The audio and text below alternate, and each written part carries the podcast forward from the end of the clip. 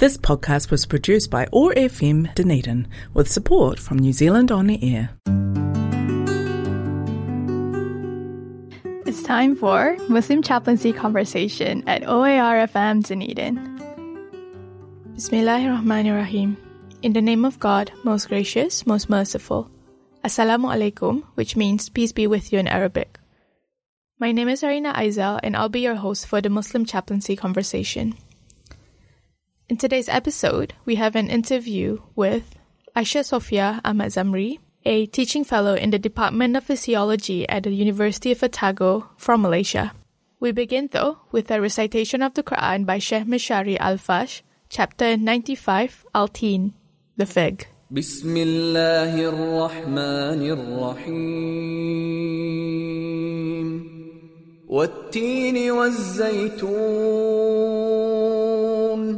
وطور سينين.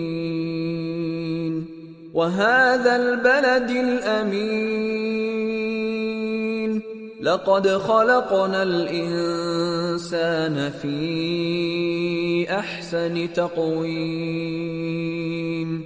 ثم رددناه أسفل سافلين. الا الذين امنوا وعملوا الصالحات فلهم اجر غير ممنون فما يكذبك بعد بالدين اليس الله باحكم الحاكمين Translation of the recited verses. In the name of God, most gracious, most merciful. By the fig, by the olive, by Mount Sinai, by this safe town, we create man in the finest state, then reduce him to the lowest of the low, except those who believe and do good deeds. They will have an unfailing reward. After this, what makes you, man, deny the judgment? Is God not the most decisive of judges? We will now have our interview with Aisya Zamri. Assalamu alaikum, Sister Aisya. Waalaikumsalam, Sister Nurina. Thank you so much for being here today on Muslim Chaplaincy. No, it's a pleasure. Thank you for having me here. Um, would you mind introducing yourself to our listeners? Sure. Um, so, uh, full names is uh, Aisya Sofia uh, binti Ahmad Zamri. I am uh, 25 years old, and I have been working in or living in New Zealand for about 15 years now. Um, yeah, and living in Dunedin for about 10 years. Hmm, What so. do you currently do? So I'm currently a teaching fellow in the Department of Physiology at the University of Otago.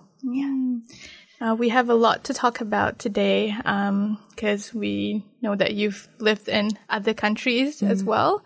Um, but let's talk about uh, where you were born, Malaysia. Yeah, so I was originally born in uh, Selangor, which is uh, a state in Malaysia, and um, yeah, I was born in what we call a city called Subang Jaya in Malaysia.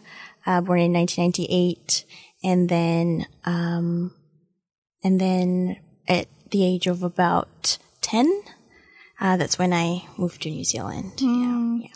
Can you tell us about your family and siblings? So I have um, four siblings. I am the third child out of four siblings. Um, I have one oldest brother and one older sister and one younger sister. Yeah. So there's four of you. Yeah, four of us. Are they That's all right. in New Zealand now? They're all currently in New Zealand. So I'm currently living with my younger sister here in Dunedin. Yeah. Um, so you were in Malaysia. Um, can you tell us about school there?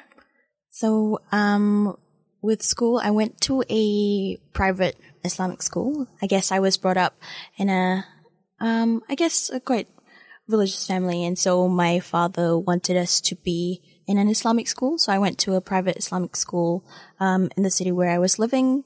Uh, so uh, nearly all of my siblings went there.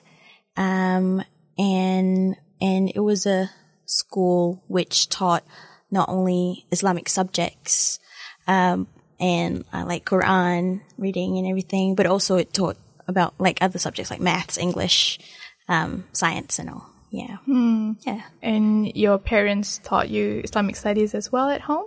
Mm, yeah, we did um Quran Quran teaching at home. That's right. Yeah. And what are some childhood memories that you treasure about growing up in Malaysia? Um, I guess it's just being around family, the family members and the environment. And, um, we, we had quite a tight knit community, uh, like family, especially the relationship between my cousins and all. We're all very close. We lived quite close together. Um, so yeah, I had quite fond memories, um, growing up in Malaysia. Yeah. Yeah. Family is quite an important aspect. Yeah, I think I would say I'm a very strong family person. Yeah. Yeah. Um, can you tell us about your parents and what they do? So back in when in Malaysia, uh, my mom was a computer science lecturer at one of the universities in Malaysia, and my dad was um, an IT analyst at Petronas company. Um, so yeah, so both of them have been working there for about 15 years or so. Um, yeah, so that's what they do back then. But now, um, they're close to their retirement age. My mom is currently just, um, part time, just teaching English and IT to, um, people who are not originally from New Zealand. So usually people, you know, quite people of older age who have not had any IT um, skills or people who have not learned English. So she teaches that. And my dad is currently a um, halal auditor for NZIDT. So he goes to all the different, um, I guess, companies and to see how if they're slaughtering the meat, um, or not just the meat, all all the products, um, and to ensure that they are, you know, made in halal way. Yeah, so auditing that. Yeah, so that's what they currently do now. Yeah, they're, Yeah. they're both doing really interesting jobs. Yeah, yeah, I get lots of interesting stories from them, so which is quite nice. Yeah, Yeah. yeah, Well, thank you for sharing. Um, I think it's such an important part of you, just growing up in Malaysia and you know being around your family. yeah. Um, you also moved to the UK when you were young. That's right. So when I was about um about five years old, um, w- my family and I all went to the UK because my mom was completing her PhD. Um, so we stayed there for about one and a half years, and I also did primary school um there as well, about one point five years, um in Manchester. So yeah. And what do you remember about Manchester at that time? Um, I was quite young. I remember um, we, um, I think we went to lots of different places in the UK. That's where the first time I learned how to ride a bike. And also, um, similar to what they have in New Zealand or Dunedin itself, they did have like what we call Sunday schools as well there, where we learned um, more about Islam as a child and like Quran reading as well. So, yeah. Were there a lot of people at Sunday school? Yes, there's quite a big Muslim community, especially in the UK and in Manchester where I lived as well. Yeah, there's quite a yeah, lots of Muslims. Yeah, It must be very diverse as well, like multicultural. very very multicultural. Yeah, yeah. Um, your mom did her PhD. Can you tell us what what her studies were? Um, it was in computer science. Um, so I, she did both my parents. They did their degree and their masters in America. Um, and then um, they got married there, and then my mom continued her PhD, and yeah, it's in in IT. I'm not too sure what her PhD title was, um, but yeah, she did IT. How long were you in U- the UK? About one and a half years, I would say. Yeah, one and a half years. So not very long. Mm, and you were very young at that time. Very young, very young. Yeah. So my memories there, not super clear, but I do have some memories there. Yeah. Can you share some memories you remember? Um, I guess some of the memories that I have there is like we went to uh the countries, neighboring countries, like going to Paris, um, and stuff. Um, and that's also the place where because there was a big Muslim community there, um, I s- I started wearing um hijab, um, um, on and off, on an on and off basis when going to school as well. Um, and there was quite a big Malaysian community as well. So yeah, and we were all quite close. Yeah, yeah. You wore the hijab to school. Um, what was the reaction with your friends at that age? Ooh, that one I, I don't quite remember because I remember, well, by seeing the photos, um, that, um, some, on some days I wear the hijab and some other days I don't. so yeah, I'm not too sure what was the reaction. Yeah, I think because we were age five, so they were probably just, you know, curious or ask what it is. Yeah, but I don't quite remember the reactions. Yeah. That must Yeah. be a very um, important time of your childhood to have a, that big change of experience. That's true. Yeah, I would say so. Yeah. Hmm. Um, and then after your mom's PhD, what happened then?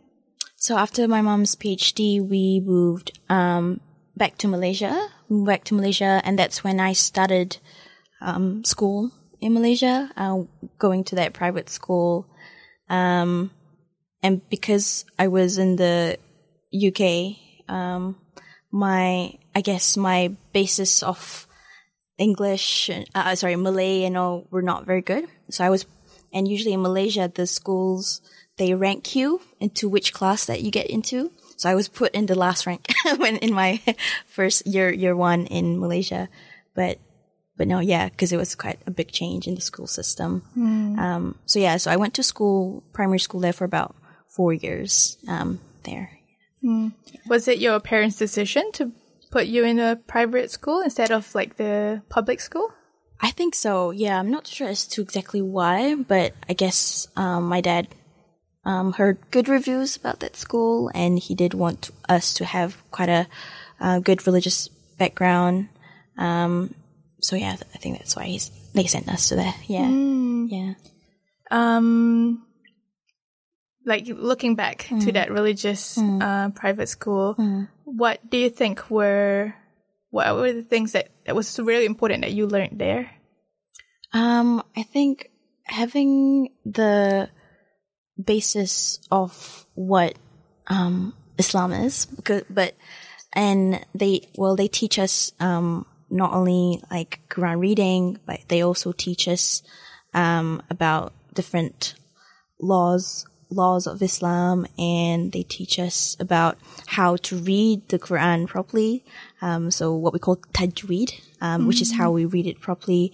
Um, they teach us about um, characteristics of how a good Muslim should be. So I think that really taught me about the basis um, of Islam, and yeah, I, I learned a lot, um, which I I you know value it um, very very much. Yeah, yeah. When I came to New Zealand, I actually brought all my Islamic textbooks from that school here, just because I didn't want to lose that um, Islamic knowledge. I guess. Yeah, yeah. It must be very valuable, and um, because it's a private school, like you, there's less resources for that. That's true. That's true. Yeah. Good. Um, and how long were you in Malaysia? Um, Malaysia, um, total around nine years, nine, nine years. Yeah, nine, ten years. Yeah. And um, at what point did your family migrate to New Zealand? So one day they just decided, uh, they want, um, they said they want to start new and they want to have kind of like a, a different change in education as well for the children because, um, in comparison to how education is in New Zealand, Malaysia is pretty stressful. um, so students have up to 13, 15 subjects per year and you start this at the age of, you know, seven, eight. So, um, and, um, there's a lot of pressure and I think it wasn't very good for, um, the mental health of, uh, the students. So my parents, you know, hearing about the education in New Zealand and how it is, they said, oh, they want to, they want to start new. Um, and so they first visited New Zealand to see how it is and they loved it. So in 2008, that's when they decided to move. Yeah. So we all as a whole family moved to New Zealand in 2008. Yeah. Did your parents have um, jobs in New Zealand before they moved? So they kind of actually just decided to quit everything. Wow. Yeah. So they they risked. They took a big risk. Um, so they quit their jobs. Um, they sold a house. Um, so we, they actually came here without securing any jobs first. Um, but they did get the permanent resident, um, ship based on, they had a point system back then and it was easier to get a permanent resident in New Zealand. Um, we got that there. Um, and yeah, and then after they came here, that's when they started looking for jobs. Um, so my mom tried Massey University in Palmerston North because that's the city where we first started to live in. Um, my dad also, yeah, started to apply for Massey University. So yeah. That must have been a very big life change for your whole family. It was very big, yeah. What did you think um, at that age, suddenly needing to leave everything behind? Um, it was it was quite difficult, but at the same time, I was still quite young. I was ten back then, so it was quite exciting. And to be honest, I actually never heard of a country called New Zealand before at that age. Um, but and it was you know quite sad, sad having to uh, leave all my friends back in Malaysia. Um, but it was you know kind of exciting, you know, going overseas. You know, so yeah, um, yeah. So that's And then um, I'm sure it took time for your parents to settle down and find jobs and all that. But uh, what was it like for you to adopt to a new society? Um, it was quite difficult as well. So when I first came to Palmerston North, um, at the age of, I was turning 11. So the first school I went to was an intermediate school. And because in Malaysia, we don't usually converse much in English. So actually the language was difficult for me. Um, it was difficult for me to communicate properly and well.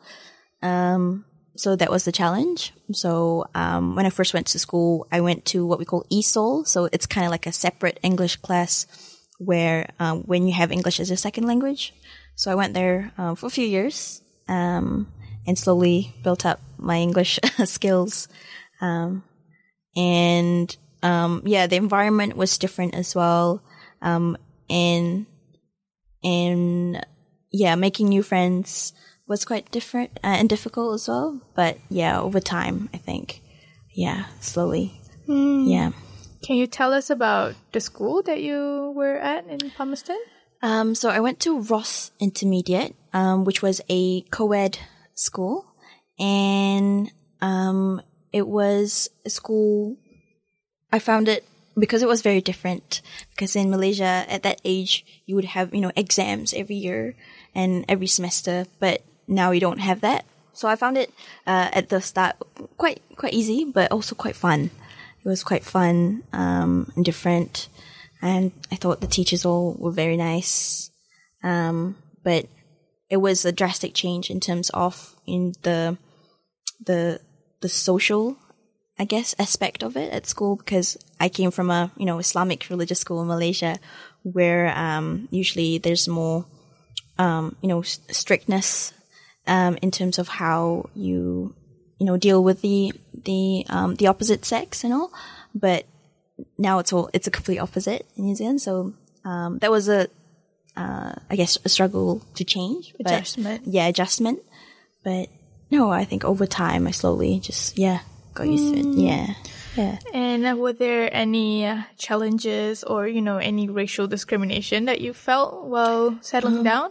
Um, unfortunately, there were. Um, but I guess they we were all you know quite young, and the you know, kids at that time were quite young and naive and not very exposed. Um, and a lot of the things they just you know kids just take you know whatever they see, maybe perhaps from the media. So I got bullied a bit um, when I was um, in intermediate. Um, people called me a terrorist, called me a suicide bomber. Um, I had people try to pull my hijab off. Um, I had, um, it's, it's the boys usually though. And I had someone, uh, spit at me.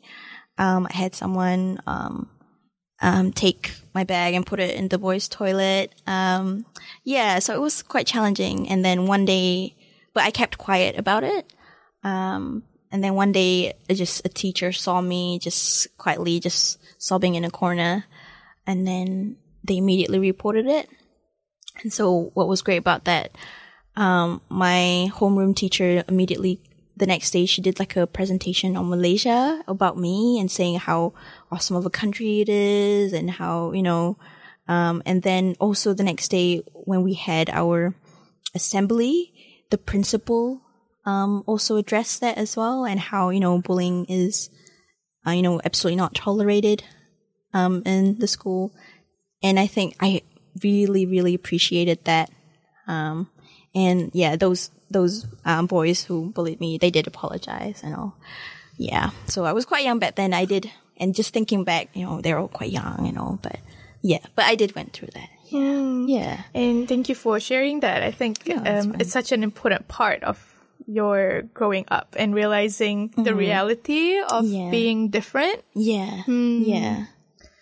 Um, but I'm glad that your teachers took the initiative to make that change Mm. and realizing that, you know, okay, ra- there is racism. Mm. There's an issue of racism in school, so we have to work. Mm. Yeah. Yeah. Yeah.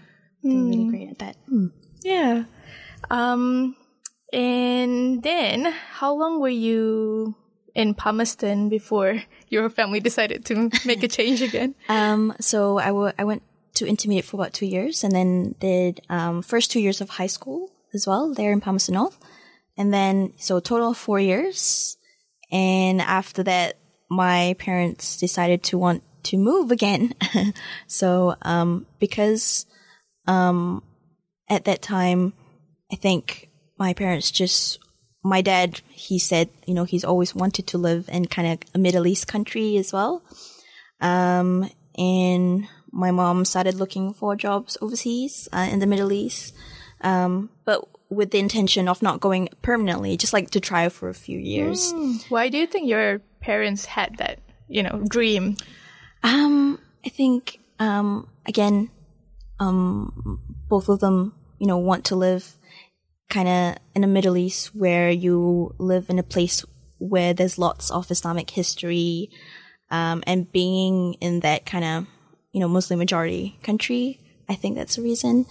Um, so he's always want to try that and being closer to, you know, countries like, um, Saudi Arabia and all. So, they my mom got a job offer at a university in Oman, at a, city uh, called Salalah in Oman. Um, and yeah, we moved. Just me and my younger sister um, moved to Oman with my parents, whilst my my oldest brother already went to uni, and my uh, older sister was finishing her final year of high school, so they stayed here. Yeah. And what was that for you moving to Oman? Um, very, very difficult. Again, another transition. Um, uh, for me, it, it's always not easy, you know, moving to a new place. Um, and because, um, I really got close with my friends in Palmerston North. So I was, you know, quite, quite sad to leave. Um, uh, initially I didn't want to go, but of course I, I have to follow my parents. I'm still underage. So, um, I, again, it was very different. Um, they had a different culture, um, um, and so that was difficult adjusting. And the school that I went there, um, because at that city, it's kind of 1,000 kilometers away from the capital. So it's not fully, fully developed. And so they didn't have an international school that usually has, which is usually in the, in the capital. Um, and so I had to go in to an English medium school where they still spoke English. So we went, the only ones available was, um, a, uh, a Pakistani school. So, um, so it, we went to Pakistan school, me and my younger sister. However, we really struggled, um, at that school. One, not only because of the language barrier, um, as well, though they spoke English, but, you know, they still communicated in Urdu, which is their language. Um, and also the the level of their syllabus of their subjects is very very different. Um, I would say, especially with the maths and science, it's quite advanced to what it was in New Zealand. So we've I really struggled um, there as well in terms of um, education. Um, I think I remember um, crying for at least two months um, every day because I just yeah I just wanted to go back to New Zealand. I struggled. Um, but I think over time, I um, tried to, you know, just accept it and try to really be quite studious, um, and try to catch up with their, the syllabus that they had there. Um, and again, another transition as well is, um, now the school, because it was a Pakistani school, it is a Muslim majority school. So they did have now um, more Islamic studies. So they had Islamic paper, and they also had um, Quran reading paper. So yeah, so I quite liked that aspect as well. Just having that again after not having that for a number of years, and over time I slowly started to understand the language Urdu a bit. Um, um, just from um, hearing them, and then my friends there teaching me. Um, and with the locals, they could speak English a bit, so that was okay. Eh, But I slowly was able to learn like what we call broken Arabic to communicate um, with them. Um, but yeah, again, very different lifestyle. In New Zealand, I was more active. You you know have sports. You have you know go to outdoor. You go hiking or anything. But in Oman, they have a more um, I guess conservative lifestyle.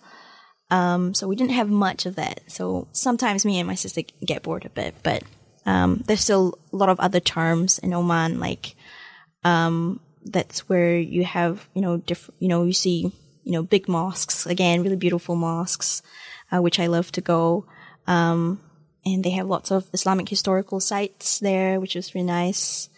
Um, and Oman was also um, connected to neighboring countries like Yemen and Dubai and all. So we, we went up to Dubai quite a few times. So that was nice experience. Um, yeah. So, so my memory of Oman, I would say, I I I would find it quite precious because um, I struggled a lot, but I really learned a lot um, there by myself, and and it really helped me grow as a person, as as as a Muslim woman as well, and helped me kind of become grounded again, um, living there, and um, yeah, yeah. It must have been a very important life change as well because um, you thought that you'd be in New Zealand, Yeah. um, a non-Islamic country, and suddenly you had that surge of Islamic education again, um, and that was something you needed. Yeah, yeah, definitely.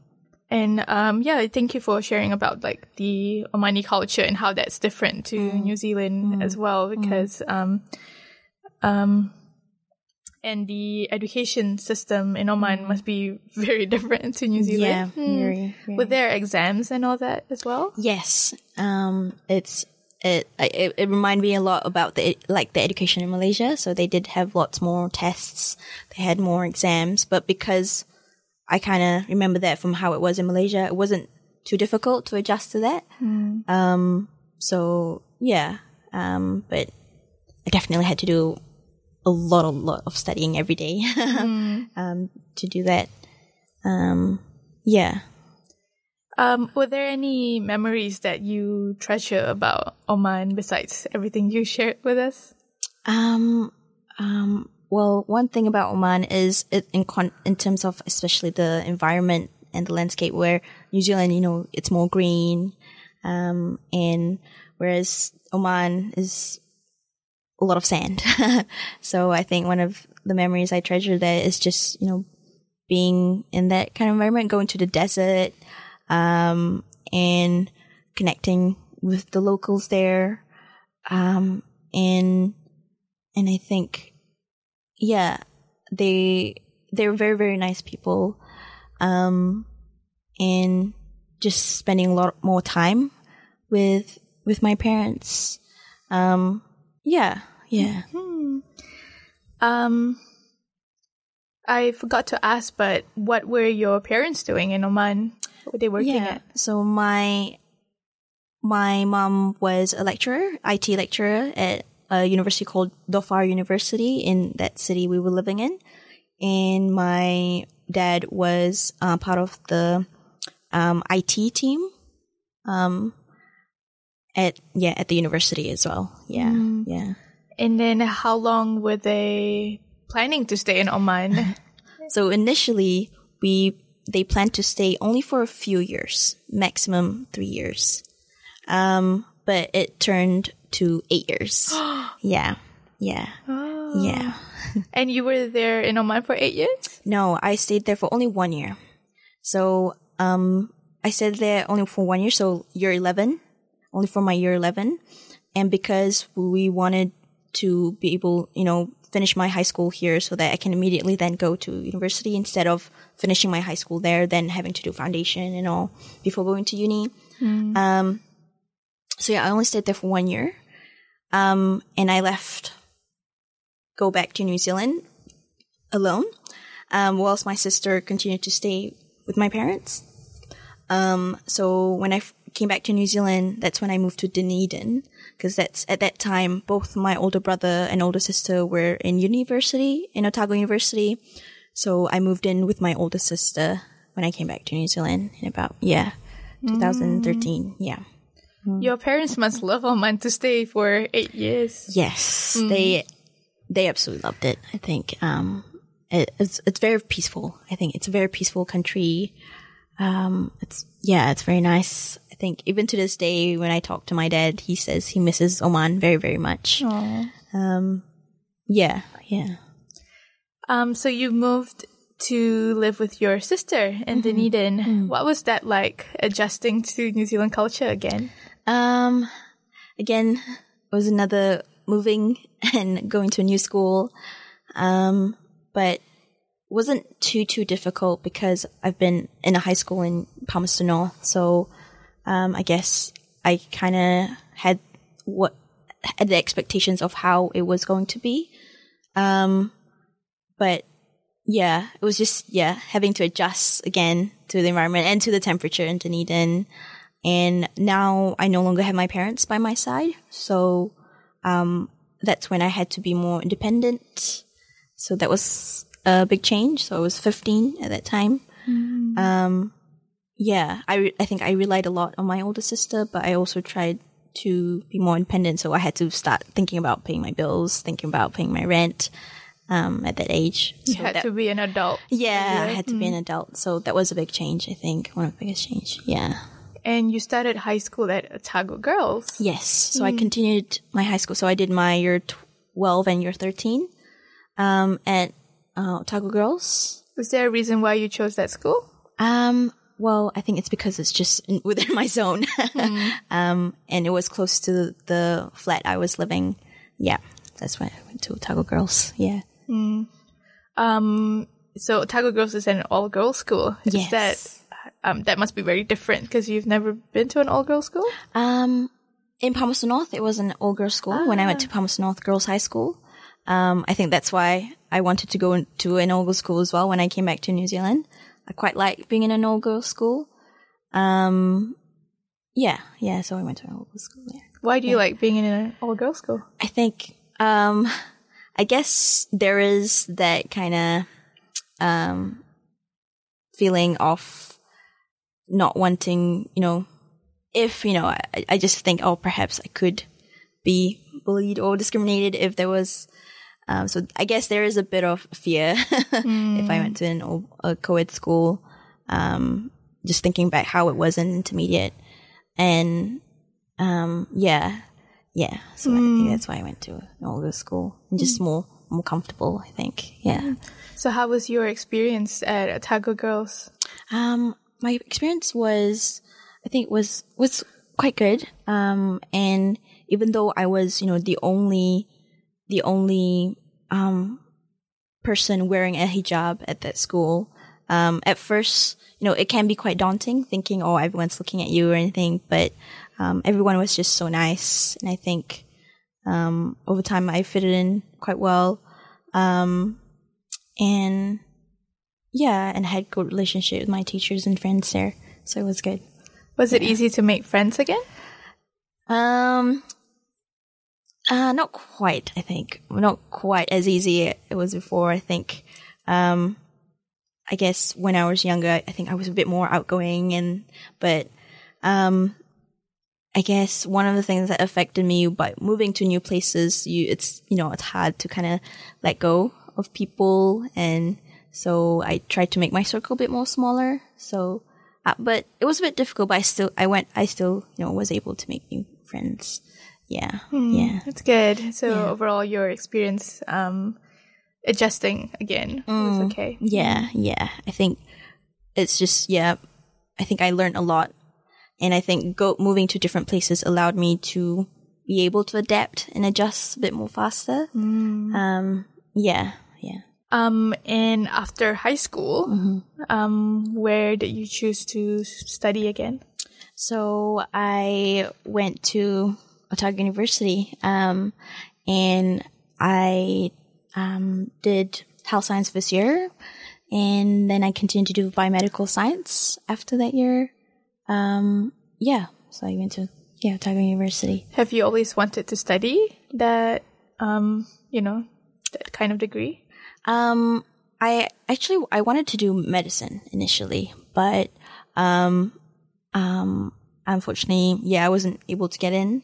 So a second option was biomedical science, which was what I was quite interested in as well. So yeah, I carried on with that, and yeah, and then after that, I also continued to be to do uh, another year of honors. Yeah. Um, what can you tell us about biomedical sciences, um, like the degree as a whole? So biomedical sciences is, is a big degree which has lots of different majors. Um, and I majored in functional human biology. So in functional human biology, you look more about the physiology. So physiology is the study of how the human body system functions, really. So I was really interested in that.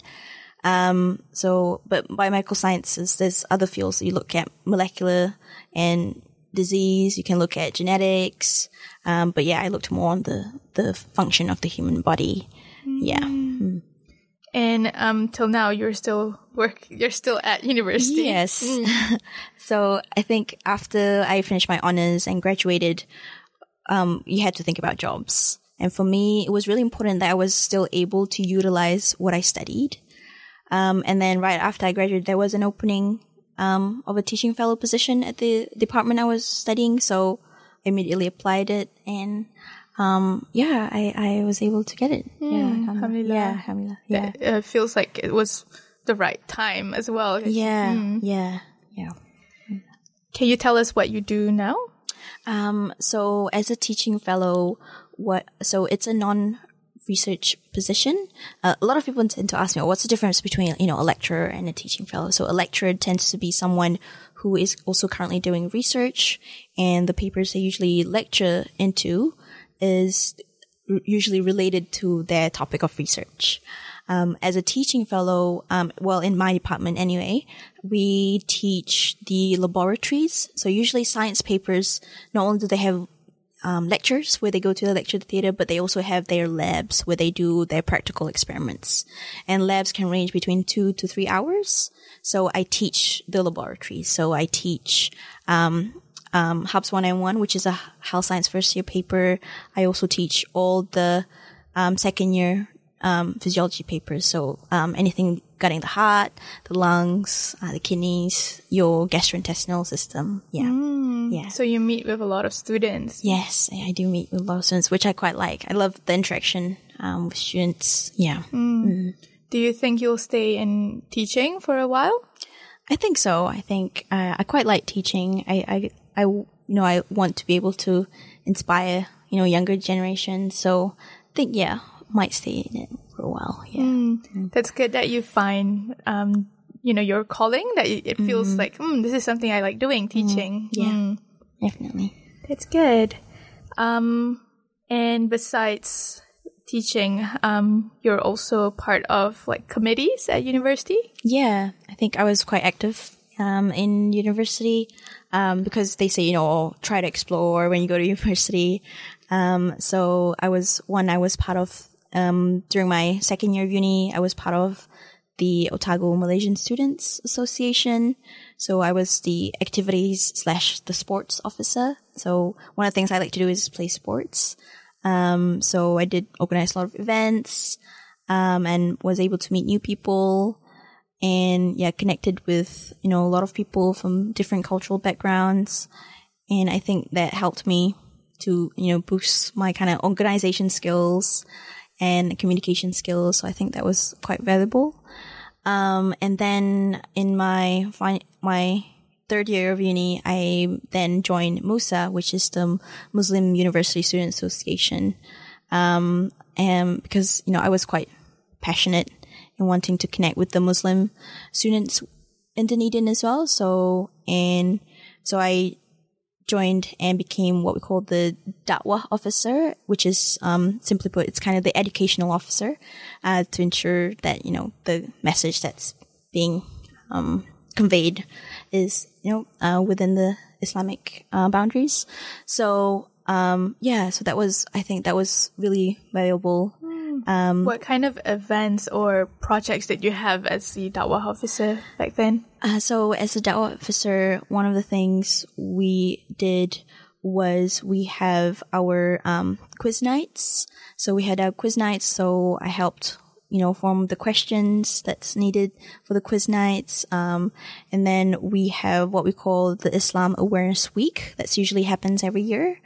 Um, so it's a, it's a big week. So we usually have events every single day. Um, and so that week I was in charge of doing, putting any of, making of like the posters, um, any, um, Islamic content based, um, information and, um, and just talking to the people really. So usually we have booths, um, at uni.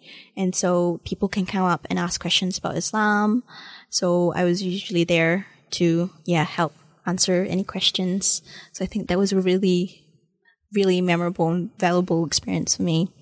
Um, and, uh, we also did like a, a, um, a trip, a, a, a kind of girls trip as well. Uh, so we went to Catlins and all that. Um, and we also, um, had our weekly, uh, mosque cleaning.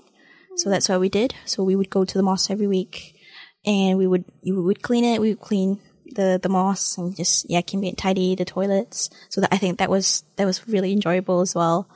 Um, and yeah, and yeah, it was really, really nice. Yeah. Sounds like there was a lot going on, and also There the was. co- lots of co- um, community engagement. as Yes. part of your role. Yeah, yeah, yeah. I did feel that it was quite a big responsibility, especially being the dawah officer.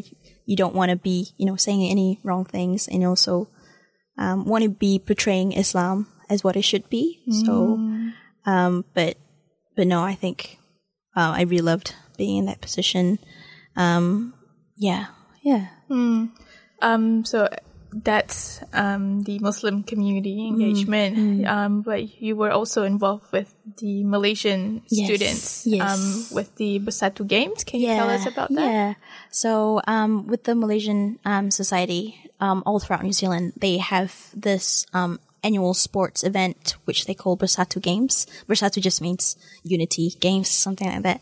Um, and they, um, it's a inter-university competition between all the Malaysian clubs in throughout universities of New Zealand.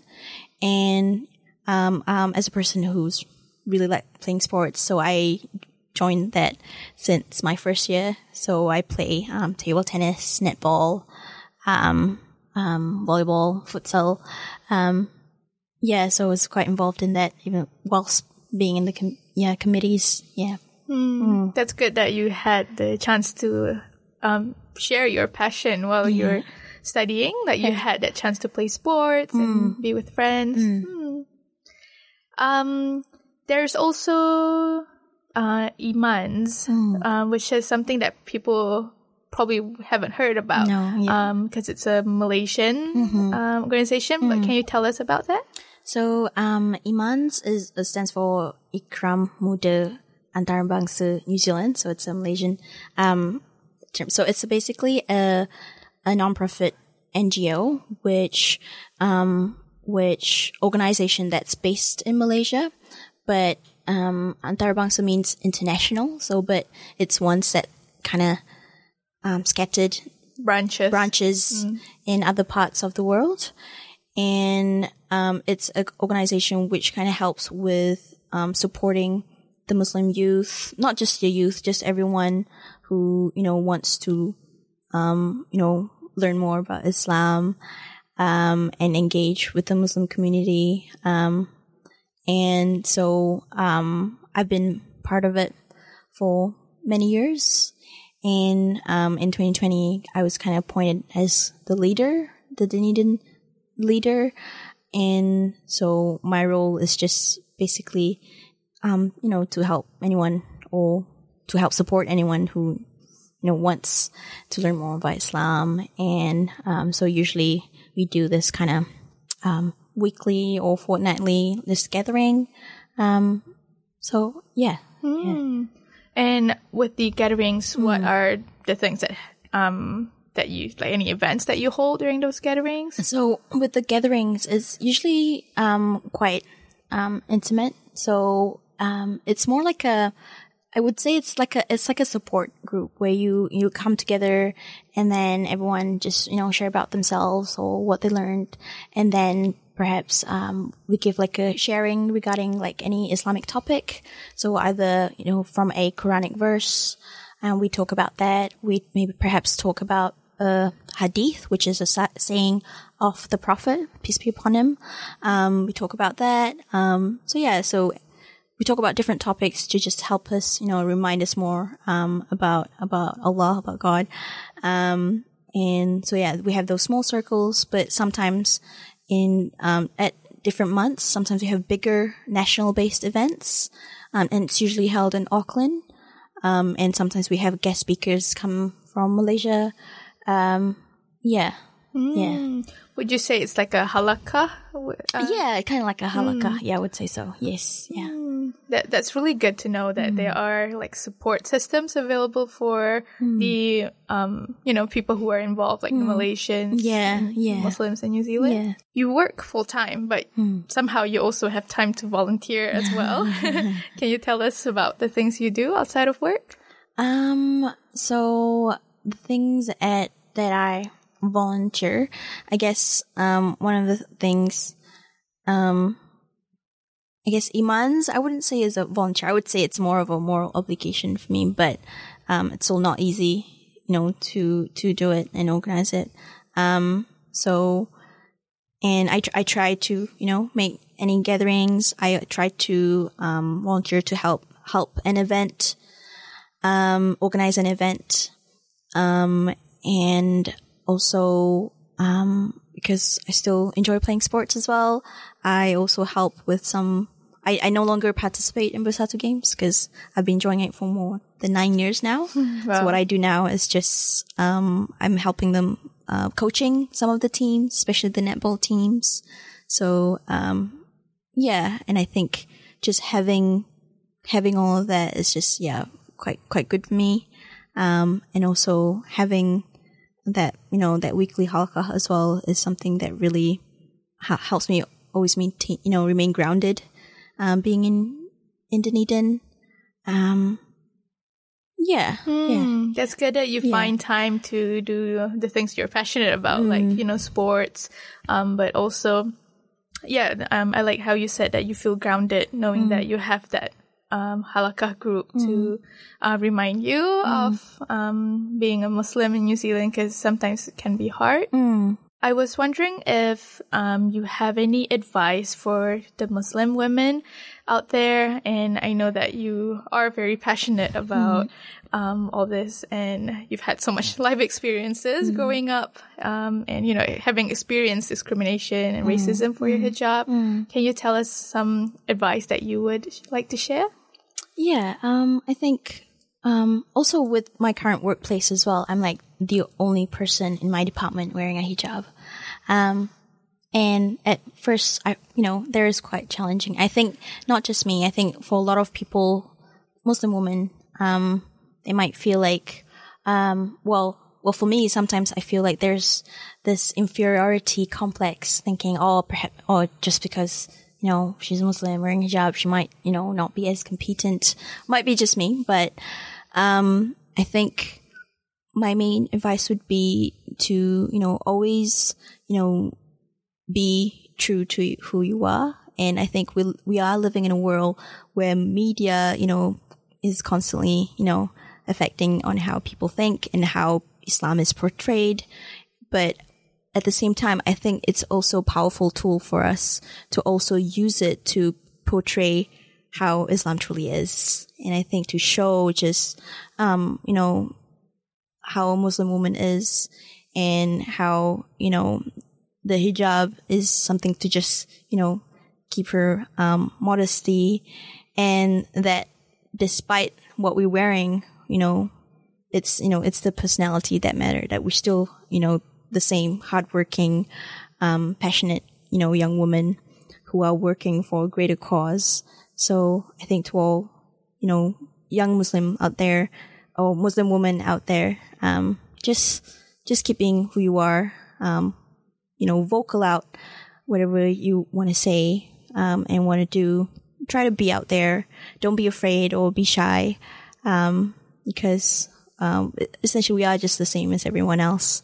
Um, and yeah, yeah. Mm, that's yeah. very good advice. I'm sure that there's a lot of um, young Muslim women out there who are finding it hard to uh, fit in and um, finding those pathways for them. So thank you so much for sharing. Um, and thank you for being here today on our show. I really appreciate you sharing your journey with us. I'm, there's so much I learned from it. No, it's a pleasure. Thank you. Thank you for having me here. Now, we listen to an Islamic song by a Malaysian singer, Anik Muhai, entitled Mahakarya.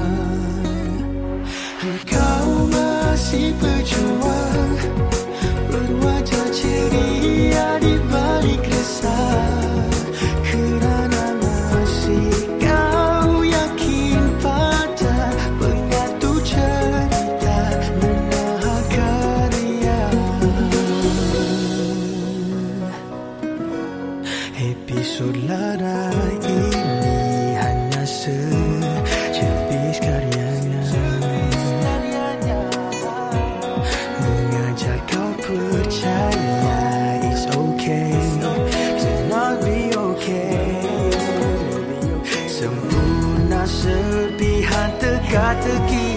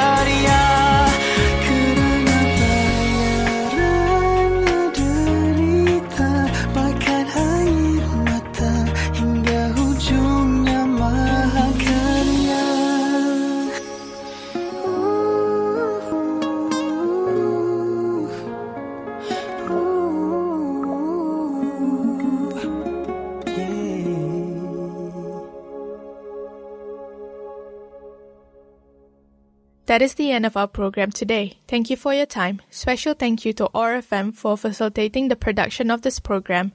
I should add that the views expressed in this podcast do not necessarily represent the views of Otago Muslim Chaplaincy as such. If you have any questions, please email muslimchaplaincy at otago.ac.nz. We hope to see you next time, inshallah. God willing. Assalamualaikum. You've been listening to Muslim Chaplaincy Conversation at OARFM Dunedin.